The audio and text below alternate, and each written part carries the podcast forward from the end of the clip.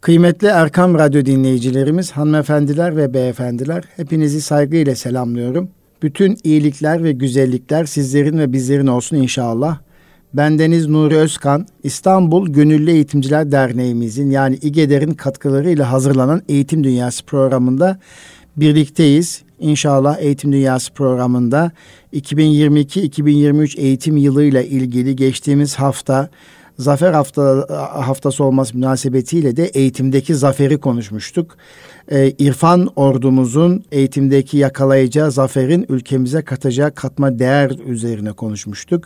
Gayretin, samimiyetin e, ve fedakarlığın olduğu e, bir yıl olmasını diliyoruz dedik. Çünkü e, sınıflara girip gözlerine temas ettiğimiz, saçını okşadığımız ve e, asil insan muamelesi olarak e, davrandığımız hanımefendi, beyefendi olarak yetiştirmeyi hedeflediğimiz kıymetli çocuklarımızın 18 milyonun üzerindeki e, öğrencilerimizin bizim için bir yerüstü hazinesi olduğundan bahsederken e, eğitimde de zaferi yakalamanın zamanı geldiğini ve zor coğrafyada biz bu zaferi yakalamak durumda olduğumuzdan bahsetmiştik geçtiğimiz hafta.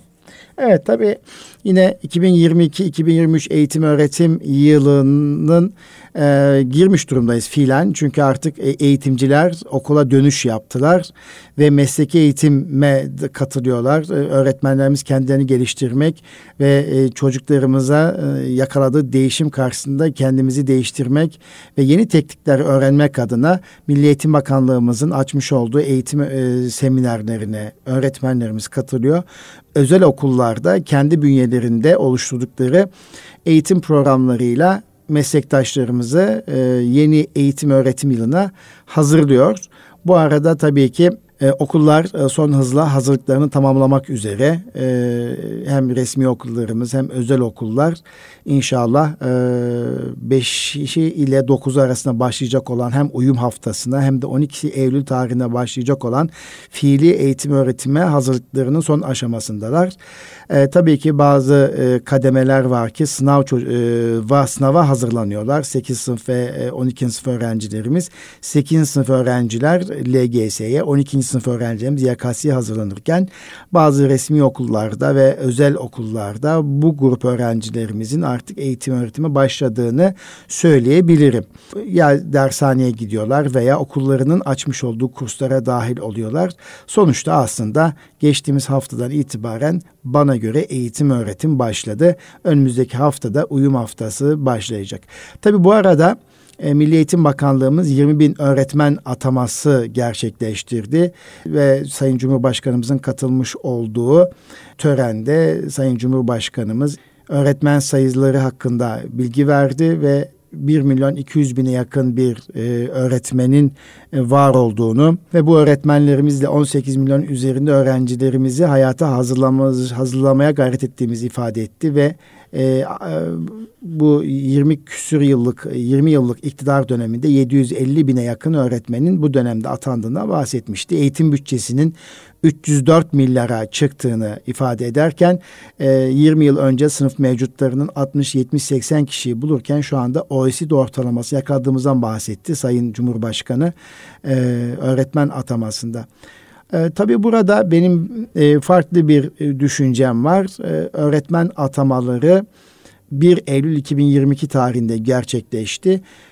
İşte 12 Eylül tarihinde eğitim öğretim başlayacak. 5'i itibariyle uyum haftası başlayacaksa bu öğretmen atamaları neden bu tarihe kalıyor? Ben daha çok işin bu kısmındayım. Bunu sorguluyorum. Yani e, öğretmenlerimizin daha erken atanıp uyumlarının daha erken sağlanması yapılamaz mı? Neden bu noktada geç kalıyoruz? İşin bu boyutundayım.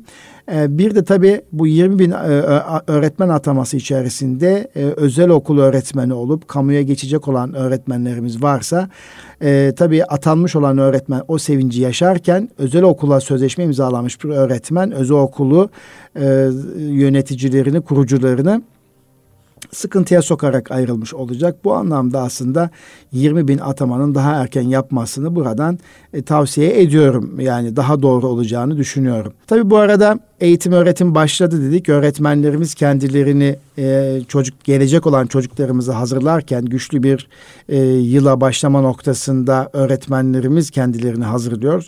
Velilerimiz de tabii ki çocuklarımızı okullara hazırlıyor. Alışverişler başladı. Tabi bu zamanlarda velilerimizin kafası e, karışık olabilir. E, kimi velilerimiz tabii ki özel okullara kayıtlarını yaptırmışlardır. E, ama bununla birlikte hala okul arayışı içerisinde olan, okul arayışı içerisinde olan veliler şüphesiz vardır. Tabii ki çocuklarımız için seçeceğiniz, seçilecek okul çocuğun okulu olmalıdır. Yani çocuğun içinin ısındığı, yüreğinin attığı, heyecan duyduğu bir okul olmalı. Ee, genellikle şu tabir hoşuma gidiyor. Özellikle temel eğitim kısmı için yani il, ana sınıfı, ilkokul ve ortaokul çocuklarımız için 5 e, yaştan e, 14 yaşa kadar ki grup için söylüyorum. Temel eğitim grubu için söylüyorum.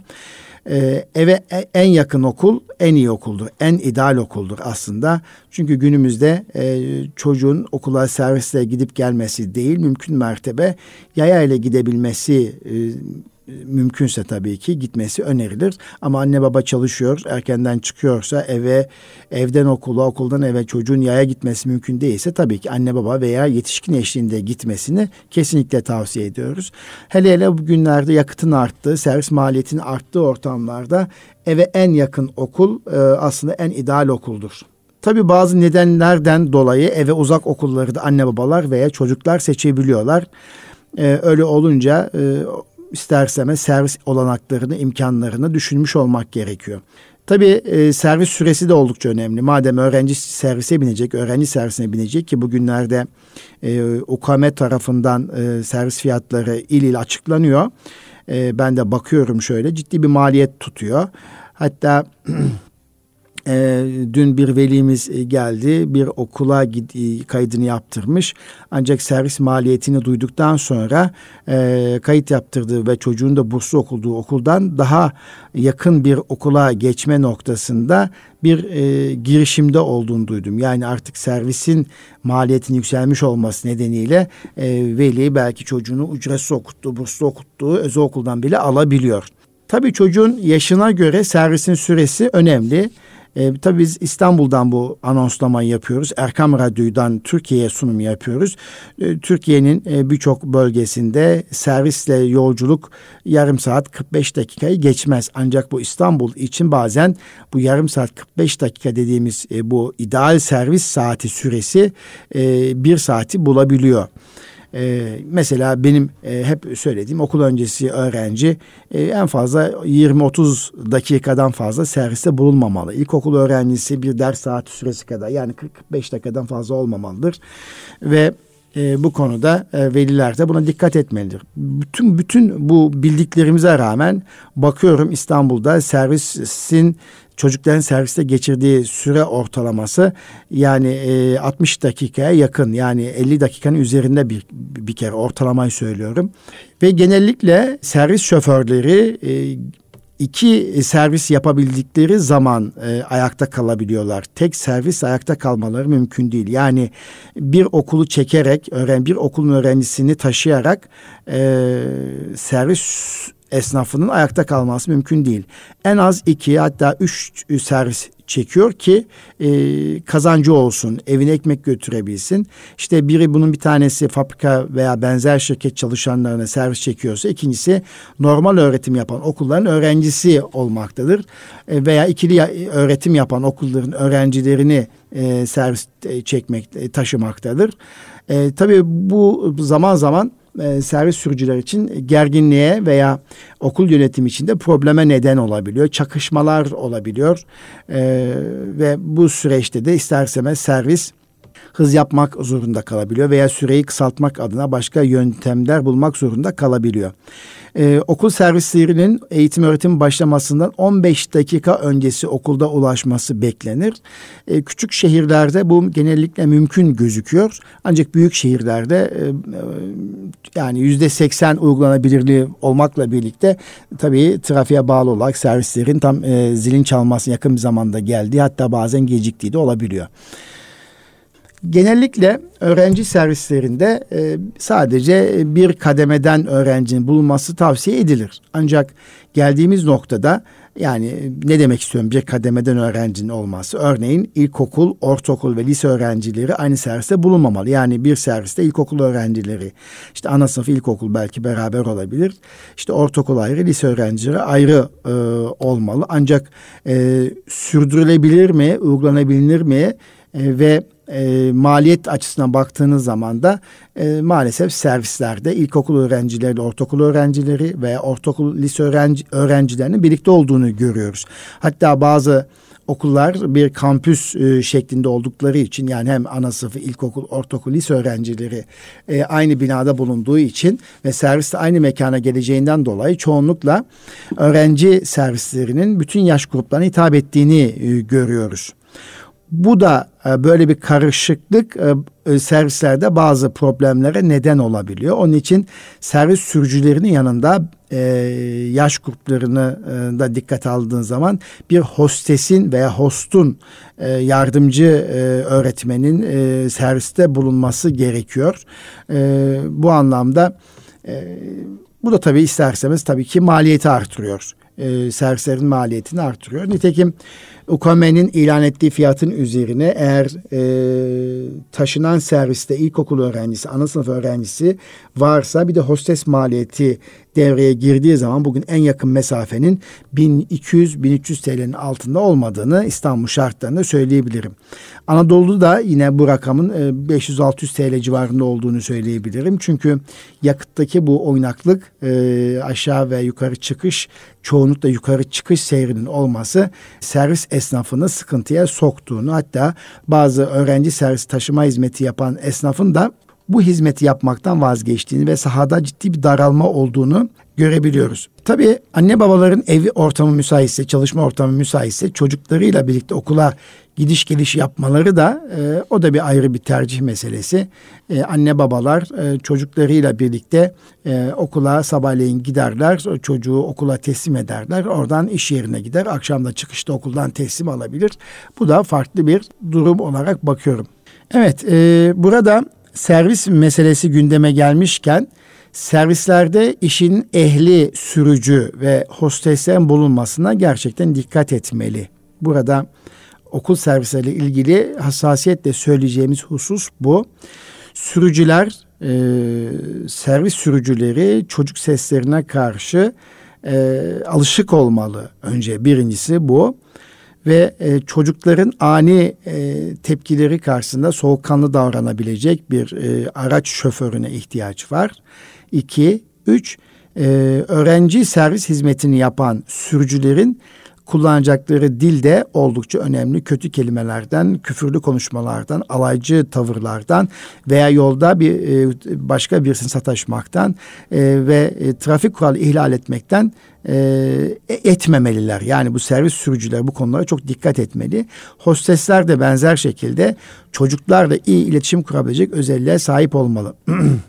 Tabii e, burada biraz önce ifade ettik sürücünün e, günde iki ve üç servis taşıdığı için e, bazen e, servise yetişme telaşıyla çocukları taşıdığı yetişkin veya çocukları riske atacak şekilde hızlı ve dengesiz araç kullanma, kullandıklarına şahit olabiliyoruz. Bu konuda e, çok dikkatli olmaları gerekiyor. Araçtaki hosteslerin de sürekli e, çocukları gözlemlemesi ve onlarla iyi bir iletişim kurması, sözlü veya fiili şiddetten uzak durması oldukça önemli.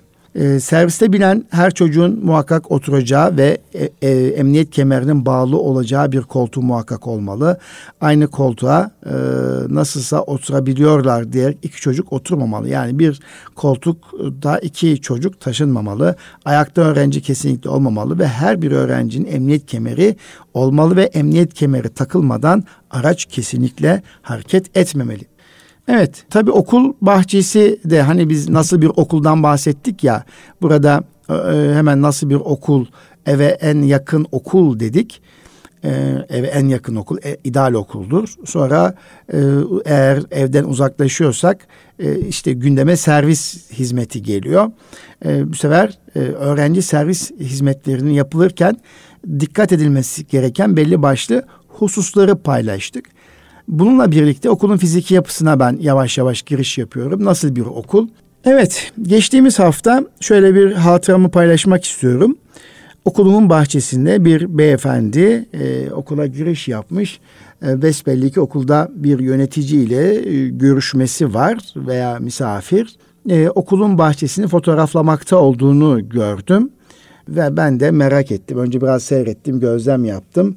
Ee, sonra da kendisiyle tanışınca e, okulun bahçesinin kendisi için çok önemli olduğunu, bir e, kriter olarak gördüğünü e, ifade eden bir veli e, olduğunu anladım. Daha sonra o velinin de bir öğretmen olduğunu da e, duyunca çok mutlu oldum. Yani okulun bahçesi geniş olmalıdır.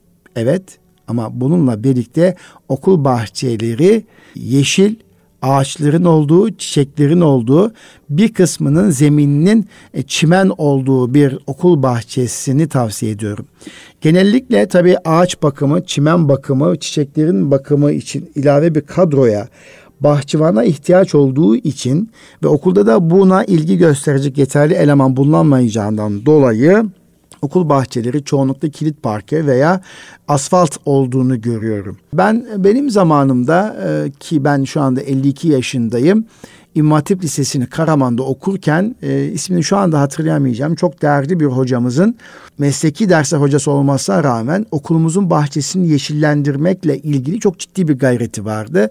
Derslerinin belli zamanlarda saatlerini bizi bahçeye çıkartır. Yine kendisi tarafından temin edilen toprakla birlikte toprağı bahçeye serdirir. İşte okulun bütün e, duvarlarının kenarlarına yine kendisinin temin ettiği, etmeye çalıştığı fidanlar dikilmek suretiyle okul bahçesine ayrı bir ehemmiyeti vardı. Hatta okulun bahçesinde orta kısmında bir havuzlu mekan vardı ki havuzlu mekanın kenarına da ayrıca yine e, gül ve çiçekli bitkiler dikmek suretiyle güzel bir okul bahçesi inşa etmişti bize.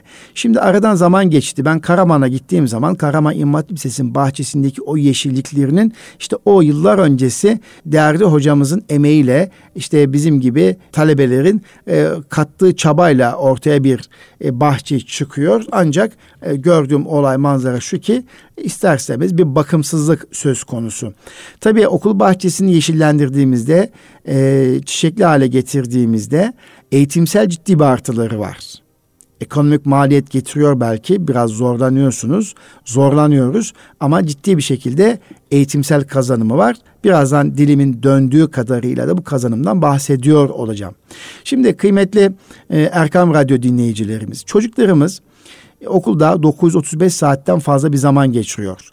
Okul bahçelerinde gün içerisinde geçirilen saat ilkokul öğrenciler için yaklaşık bir, bir buçuk saattir teneffüs vakitlerinin toplamını söylüyorum.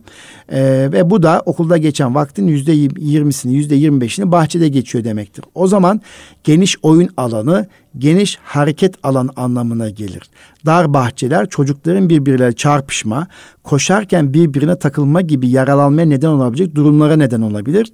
Ve dar bahçenin anlamı okul bina duvarı ile dış duvar arasında bir bahçe anlamına geliyor ki bu iki duvarda çocuklar için birer tehdittir. Onun için bahçeler oldukça geniş olmalı.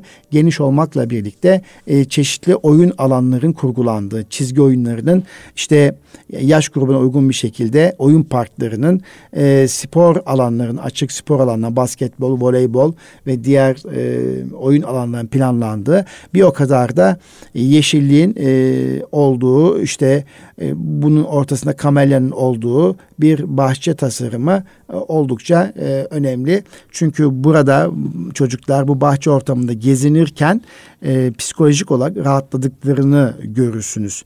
Hıçınlaşmaların azaldığını görürsünüz. Çünkü yeşillik ve bahçe gerçekten doğa insanı sakinleştirir. Doğa deyince Geçtiğimiz hafta biz de tekten olarak yeni okullarımıza yeni aldığımız e, öğretmenlerimizin e, uyum programını gerçekleştirirken doğa temelli eğitim başlığı üzerine e, eğitimimizi doğada yaptık, açık alanda yaptık.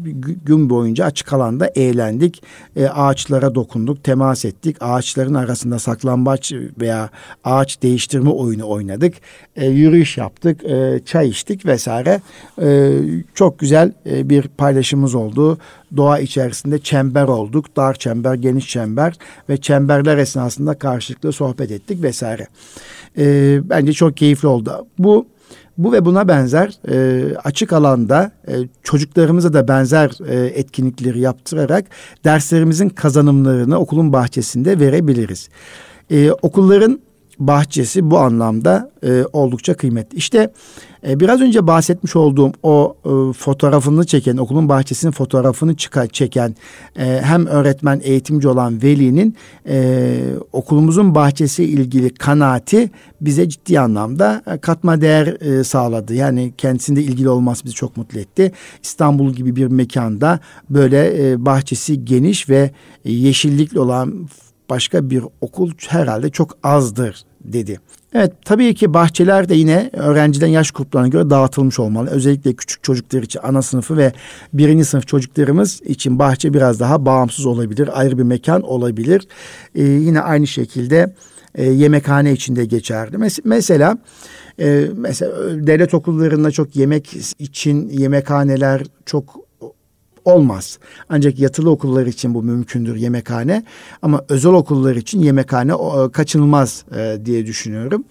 E, çünkü özel okullarda çocuklar yemeklerini yemekhanede yiyorlar.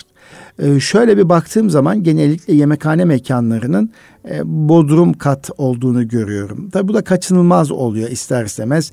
Çünkü e, e, güneş gören ve penceresi olan mekanları daha çok derslik alanı olarak, öğrenme merkezi alanı olarak tercih ediyorsak eğer işte e, yemekhane gibi na, e, gün içerisinde e, birkaç saat kullanılan mekanlarında e, bodrum kata düşmesini ben yadırgamıyorum. Ancak yemekhanesi son katta olup işte denize, dağa veya doğaya dönük e, olan, e, önü açık olan yemekhanelerde de yemek yemek e, oldukça keyifli. Çünkü çocuklar da bu mekanlarda yemek yerken mutlu olduklarını, ihtiyaçlarını en güzel bir şekilde karşıladıklarını e, görüyorum ve bunun da ayrı bir keyfi oluyor. Tabii bu anlamda özel, özel okullar başta olmak üzere resmi okulların her geçen gün mimari kalitesi de artıyor. Ee, çok güzel fiziki yapısı güzel e, devlet okulları var, e, özel okulları var ve okullar mimarisiyle e, öne çıkabiliyorlar. Tabii okul mimarisiyle alakasız e, öğrenci merkezi bakıştan uzak hatta apartmanlardan bozma binalarda okulların açılmaya başlamış olması özellikle özel okulların olmasında çok hoş karşılamıyorum bence. Evet bu belki bir girişimcilik gibi bakılsa da işte özel okul sayısını artırmak anlamında e, bir e, durum olarak görülse de eğer bir e, okul olarak yapılmamış bir binayı örnek bir AVM'yi e, veya bir e, farklı bir yapıyı özel okula çevireceksek de e, gerçekten e, çok dikkatli seçmek lazım ki dönüşümü sağladığımızda gelenler de gelen veli çocuk orada e, bir AVM'yi değil e, gerçekten bir okul havasını hissetmiş olmalı diye düşünüyorum.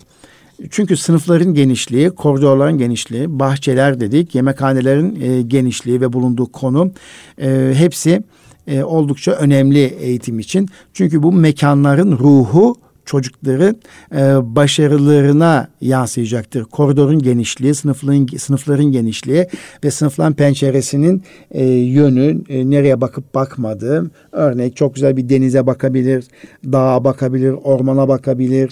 E, sesten ve gürültüden biraz daha uzaksa bu bile e, gerçekten etkiliyor okulun e, okulun havasını etkiliyor, okulun kültürünü etkilediğini düşünüyorum. Evet, özellikle koridorların genişliği oldukça önemli. Yani sınıf genişliği kadar bazı okullar görüyorum ki bir sınıfın kapısı açıldığında e, öbür sınıfın kapısına neredeyse erişim sağlayabiliyoruz. Böyle olunca sınıf kapılarının yan yana, yana sürüklenerek açıldığını görebiliyoruz koridorların darlığı da e, teneffüsün keyifsiz geçmesine neden oluyor. Çocuklar yeterince dinlenemiyor ve bu sefer bir sonraki dersi stresli bir şekilde girmiş oluyorlar. Enerjilerini atamayan, dinlenemeyen çocuklar özellikle temel eğitim yaşındaki çocuklar için de bu durum çok dezavantajlı bir durum olarak bakıyorum e, koridorların genişliği, bahçenin büyüklüğü, yemekhanenin genişliği ve bulunduğu konum kadar önemli. Çünkü çocuklar için koridorlar bir oyun alanıdır, teneffüs alanıdır, dinlenme alanıdır e, ve başka bir etkinlik ve eğlence yapma alanıdır. Nurettin Topçu da çocukların e, koridorlardaki oyunlarının gözlem yapılması suretiyle daha iyi tanınabileceğini ifade ediyor.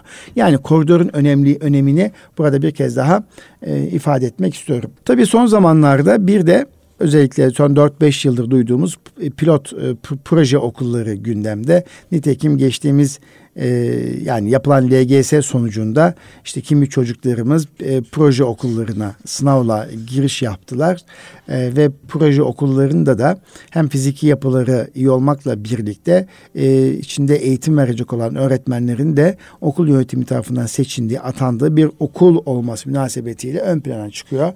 E, Birçok e, Anadolu Lisesi, bazı Anadolu Liseleri ve bazı fen liseleri yine e, İmam liselerinden bazılarının proje okulu olarak nitelendirildiğini biliyoruz. E, bu okullar da çocukları sınavla alıyorlar.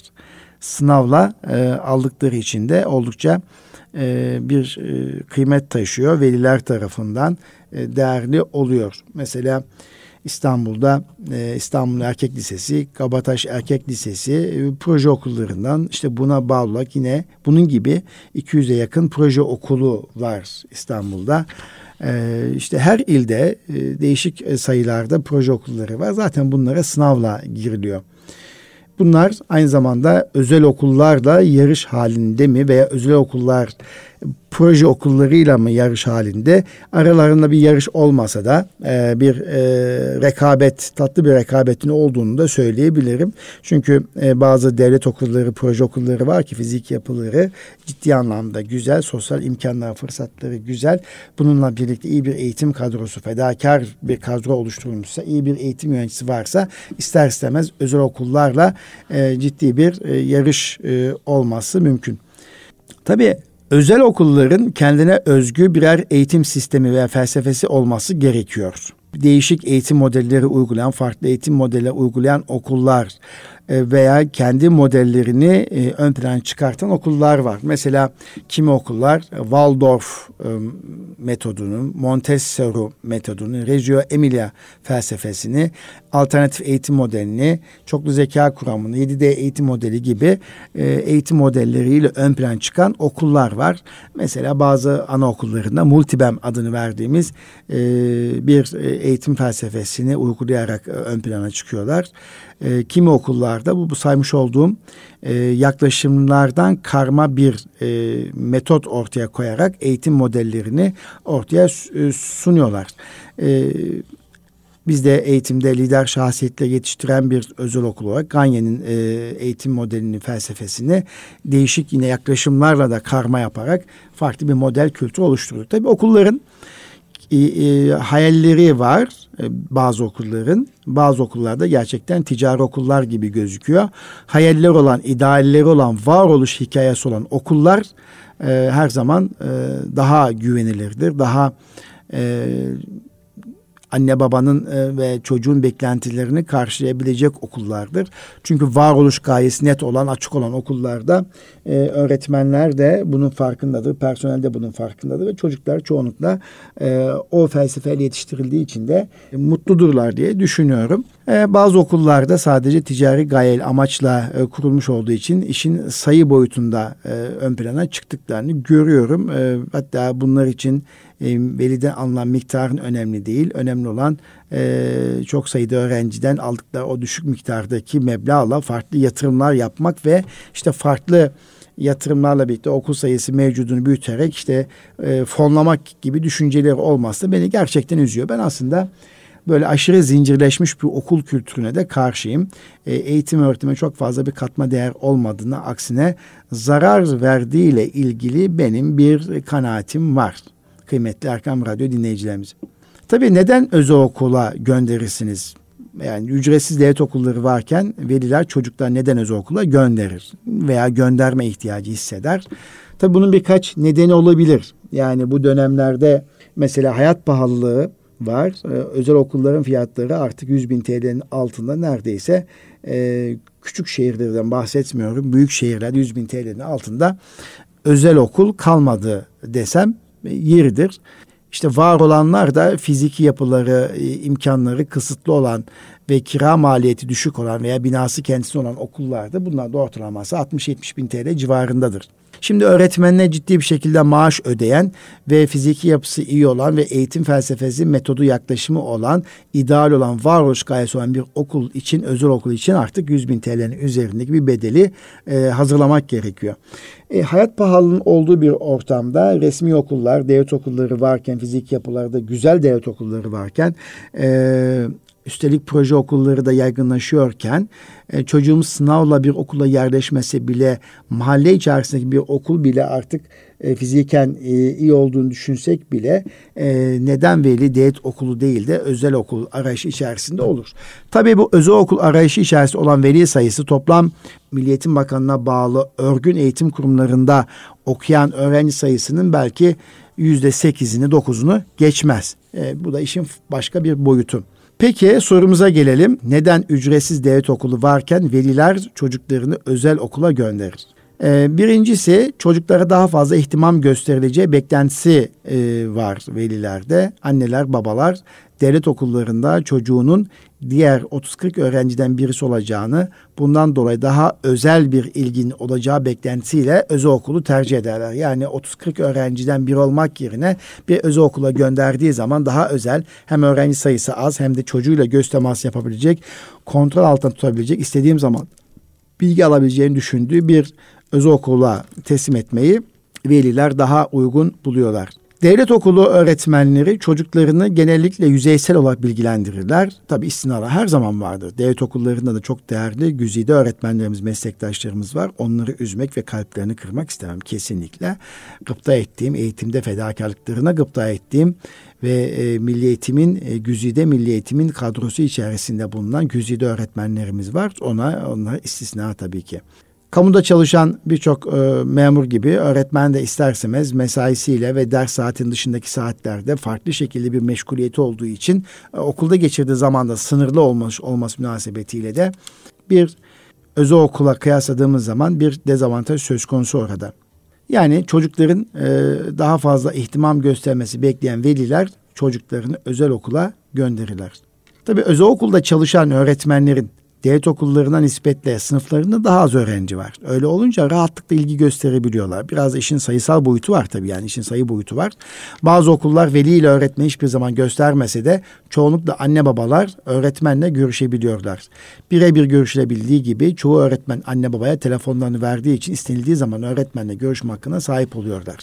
Ayrıca çoğu özel okul döneminde 2-3 kez veli toplantısı düzenleyerek özel ve genel konularda anne babalara bilgi veriyorlar. Anne babalarım toplantıya katılmaları için mesaj, telefon ve başka kanallardan iletişime geçerek fazlasıyla gayret gösteriyorlar. İkinci tercih nedeni, e, özel okulu tercih etmeler nedeni de yabancı dil. Yani yabancı dil işte özellikle ortaokul boyutunda, ilkokul boyutunda ana sınıfına itibaren e, en az 8-10 saatten başlayarak 15-20 saate kadar çıkan bir ders saati yoğunluğu var yabancı dil bakımından. Yabancı dil denince de akla hemen İngilizce geliyor. İkinci sırada Almanca, sonra Fransızca, Arapça, İspanyolca gibi hatta Çince bile okutan okullar duyuyoruz. Ee, İngilizce e, ikinci sınıftan itibaren başlıyor resmi okullarda, devlet okullarında ve seçmeli olarak yapılıyor. Hafta iki saat yapılabiliyor ama özel okula gittiği zaman çocuk e, kreşten itibaren hatta e, kreş, yuva, ana sınıfından itibaren devam eden ve haftada 8-10 saati bulan belki 20 saate yakın bir e, yabancı dil öğretimi söz konusu. Hatta bazı okullarda native öğretmen dediğimiz öğretmen söz konusu veya bazı okullarda akşam e, yurt dışı menşeili yabancılarla e, sohbet edebiliyorlar. Sonuçta İngilizce öğretimlerini geliştirmek için bir kıyaslama, gayret var. Bir çalışma, bir çaba var. Dolayısıyla anne baba çocuklarının 8. sınıftan veya liseden mezun olduklarında asgari derecede olsa İngilizce konuşmasını beklerken bu e, İngilizcenin iyi öğretilebildiği okullara gidiyorlar. Ancak geldiğimiz noktada herkes e, özel okulların İngilizce öğretiminden memnun kalabiliyor mu? Tabii dil öğrenimi bir e, çocuk tarafına ilgi görmesi gereken bir uğraş. Diğer e, branşlar için de geçerli aslında bu. E, bir de e, merak da önemli. Bazı çocuklar özel okulun o program içerisinde dili öğrenirken bazı çocukların da öğrenemediklerini ve bundan dolayı velilerde hayal kırıklığına neden olduğunu biliyorum. Evet. Tabii bu dil ihtiyacının, yabancı dil ihtiyacının giderilebilmesi için e, veliler çocuklarını özel okula e, gönderebiliyorlar. Tabii bazı özel okullarda ikinci dil e, olabiliyor. Peki e, özel okula gönderme tercihlerinin diğer bir nedeni de akademik başarı. E, tabii özel okulların öğrenci sayısı e, resmi okullara göre biraz daha az olmuş olmuş olması nedeniyle yani sınıf mevcutlarının düşük olması ve e, biraz daha ilgi gösteren iyi öğretmenlerin istihdam etmiş olmaları nedeniyle e, okul sonrası kurs ve etütler gibi ilave e, çalışmaları da olunca özel okulların akademik başarı da yüksek oluyor. Bundan dolayı da veliler bu beklentileri karşılayabilecekleri özel okullara çocuklarını gönderdiklerine şahit oluyoruz. E, çoğunlukla e, veliler çocuklarını özel okula gönderirken akademik başarıyı öyle bir sorguluyorlar ki hatta ana sınıfına çocuğunu kaydederken bile 8 sene sonra gerçekleşecek olan e, LGS sınavının sonuçlarını merak ediyor. Ve soru şu, anaokulunda nasıl bir program uyguluyorsunuz değil de 8. sınıftaki mezun ettiğiniz bu seneki çocuklarınızın ne kadarı işte nitelikli okula girdi veya sınavla bir okul kazanabildi diye soruyorlar. Halbuki o 8 sene içerisinde birçok şeyin değişebileceğini hepimiz biliyoruz ama buna rağmen veli önce burayı soruyor. Yani bu şekilde e, akademik başarının güçlü olup olmadığını anlamaya çalışıyor. Çoğunlukla özel okulların velilerinin bu tavırla okula kayıt yaptırdıklarını görüyorum. Bana göre özel okul velilerinin yüzde 70-80'i akademik başarı öncelediği, öncelediği için çocuklarını özel okula gönderiyorlar. Tabii özel okullarda DGS ve YKS başarılarının sürekli reklamını yaptıkları için, daha güçlü reklam yaptıkları için, reklam harcaması yaptıkları için belki bu anlamda devlet okulları e, kazandırdıkları öğrencilerin, başarılı öğrencilerin hikayelerini yeterince kamuoyuna anlatamıyorlar. Bu da bir dezavantaj olabilir onlar için. Ama özel okul için bir fırsat. Bunları çok iyi fırsata dönüştürdükleri için de özel okulların e, dan mezun olan, özel okullardan mezun olan çocukların iyi bir e, liseye veya iyi bir üniversiteye gittiğiyle ilgili genel bir kanaatin oluşmuş olması da neden olabiliyor. E, hatta bazı özel okullar ilkokul birinci sınıftan itibaren sürekli sürekli akademik olarak kendilerini test ederler. Her ne kadar ilkokul seviyesinde bu sınavla uygulanması çok yanlış olsa da konjöktür gereği bunu yapmak durumunda kalabiliyorlar. E, ve e, çocuklarımızın e, tabii e, ölçme değerlendirme önemli. Ölçemediğimiz bir şeyi geliştiremeyiz. Okullarda da e, bir 40 dakikalık dersin sonunda veya 80 dakikalık bir dersin sonunda öğretilen kazanımın veya istenilen hedefin ulaşılıp ulaşılmadığı ilgili bir e, testin, bir değerlendirmenin, bir geri bildirim çalışmasının yapılmış olması gerekiyor. Bir de e, ayın her ay veya iki ay aralıklarla genel olarak bütün dersler boyutunda geri bildirim almak şart. Çünkü ölçme değerlendirme bu anlamda kıymetli. E, buradaki amaç e, çocukları yarıştırmak değil. Buradaki amaç e, çocuğun neyi öğrendiğini, neyi öğrenemediğini, neyi yanlış öğrendiğini veya eksik öğrendiğini tespit edip ona göre geri bildirim vermek için yapılıyor. Abartan okullar var mı? Akademik başarıyı abartan, sosyal etkinlikleri bile öteleyen bunun için odak noktaları akademik başarısı başarı olan okullar içinde çocuklar birer yarış atı gibi koşturulduğu, sosyal ve kişisel gelişimin ikinci plana atıldığını ve çocukların oyun oynamak yerine gereksiz akademik konuları öğrenme konusunda mecbur bırakıldığını e, görebiliyoruz. Bu konuda da ister istemez çocuklarımızın elinden oyun hakkının alınmış olması, onların sosyal duygusal gelişimden ihmal ediliyor olmasından dolayı da ben de bir eğitimci olarak rahatsızlığımı ifade etmek istiyorum. Tabii ki özel okul e, bir ticari işletme sonuçta çocukları eğitmek kadar para da kazanmak durumundadır. Bu bütün özel okullar için geçerlidir. Para kazanmak için okulculuk sınırları içerisinde kanun ve yönetmelikler dahilinde gerekli her şeyi yapabilirler. Yani nitekim okullarımızda da Milli Eğitim Bakanlığı'nda da e, özel özel öğretim kurumlar kanunu ve yönetmeliği bulunmaktadır. Ve e, veliler, anne babalar her zaman veli nimet olarak bakılır. E, ve veli nimet olarak da çocuklar da bir veli nimetin birer emanet olarak görüldüğü için de biraz daha özel okullarda öğretmenlerin ve e, personelin e, fedakarlığı hat safhadadır.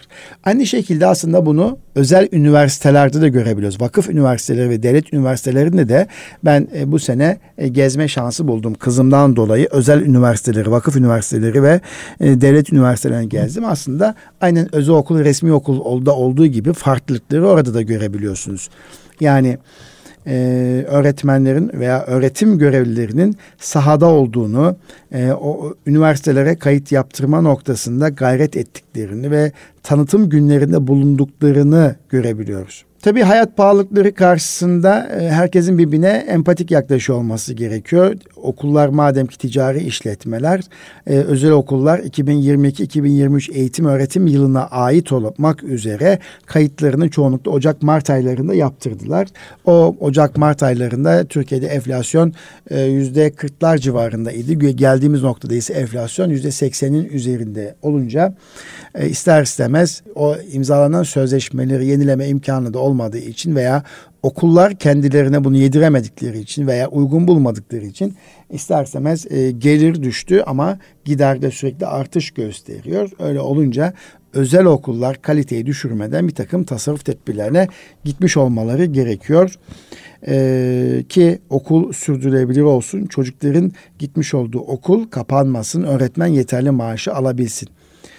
Bazen çocuklarımızın fıtratlarını hiçe sayarak 9, 10, 11, 12 saat ders yapan özel okullar duyuyoruz. Ee, tabii bunun aslında günlük e, ortalaması 7-8 saat ama çalışan anne baba sayısı arttığı için de anne babaya düşünüp hak veriyorum. Onlar da çocuklarının okulda ne kadar fazla zaman geçirirlerse, eve fazla yük getirmezlerse evde anne baba rahat edecek. Biraz da iş bu noktaya geldi. Hatta yazın bile neredeyse okulların kapanmasına üzülen velilerimiz çıkıyor. Ee, okullar bu anlamda e, biraz eğitim kurumu olmaktan ziyade çocukların eğitim saatlerinin dışında vakit geçirebildiği, öğretmen nezaretinde vakit geçirebildiği mekanlar haline dönüşüyor. Çünkü çalışan anne baba sayısı arttıkça da bu bir ihtiyaç hale geliyor. Hatta e, öyle bir e, noktaya geliniyor ki sanki anne babalar çocuklarının eve hiç gelmesi istemiyorlarmış gibi sonuç da ortaya çıkıyor. Veya çocuk hiç eve gitmek istemiyorcasına bir sonuç ortaya çıkabiliyor. E, çünkü anne babalar çocuklarının e, okulda geçirdiği vakitinin fazla olması işlerine geliyor.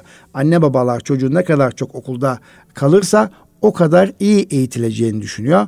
Bilmedikleri veya anlamadıkları husus çocuğun eğitiminin büyük bölümünün ailesinde görerek yaparak aldıklarıdır. Ama okulda geçirdikleri vakitte de işte başında etüt öğretmeni buluyor. Ee, işte akademik bir takım ödevler varsa ondan yapılması isteniyor. Eve geldiği zaman çocuk yemeğini yesin, anne babayla kısa bir vakit geçirsin sonra uyusun ve ertesi güne okula hazırlık yapsın gibi mantıkla bakılıyor. Onun için e, sanki okula fazla e, okulda geçirdiği zaman diliminin fazla olması veli de aslında hoşnut ediyor diye düşünüyorum. Evet, bugünlerde velilerimizin dikkat etmesi gereken bir şey merdiven altı özel okullar veya butik okullar derken e, ekonomik yapısı güçlü olmayan, e, öğretmenlerine yeterince zam yapamamış veya fiziki imkanlarıyla birlikte güçlü bir e, ortaklık yapısı olmayan okullara göndermemeleri gerektiği noktasında benim bir ikazım olacak. Buna dikkat etmek gerekiyor. Ee, gerçekten bu ileride ciddi bir şekilde can sıkıntısı oluşturabilir. Velilerin mağdur olmasına hatta eğitimcilerin mağdur olmasına neden olabilir kıymetli Erkam Radyo dinleyicilerimiz. Anaokulları tabi bağımsız anaokulları ve kreşler var. Şimdi okulu konuştuk. Evet e, tabi okulu fizik yapısını, bahçesini, koridorlarını konuştuk. Ticari bir müessese olduğunu konuştuk. Özellikle özel okullarla ilgili.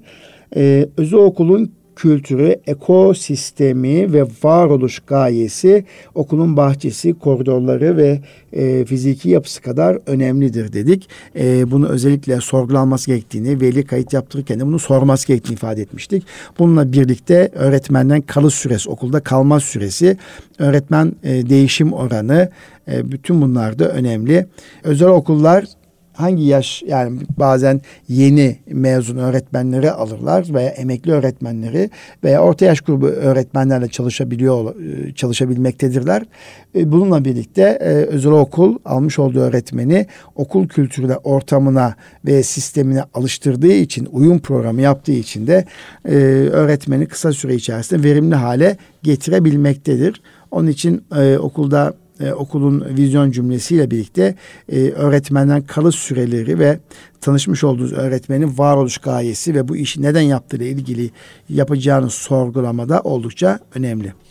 Tabii tecrübeli öğretmen dediğimiz e, aslında meslekte emekli olan öğretmenlerin e, tercih eden veliler olduğu gibi e, günümüzde çocuklarımız yeni mezun e, taze bilgileri olan ve eğitimdeki e, teknolojik donanımı ve sosyal medya donanımı yüksek olan öğretmenleri tercih edeceği e, tercih etmektedir.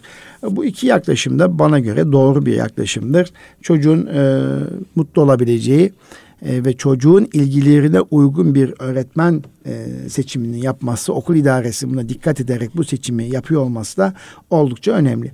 Tabii bazı okullarda hala e, velilerin öğretmen odaklı e, öğrenci kaydı yaptırdığını görüyoruz. Aslında kurum odaklı çocuğun da mutlu olabileceği, rehberlik servisinin güçlü olduğu ve e, kurum odaklı bir yaklaşımın sergilenmesinin daha mutluluk vereceğini ben burada bir kez daha ifade etmek istiyorum.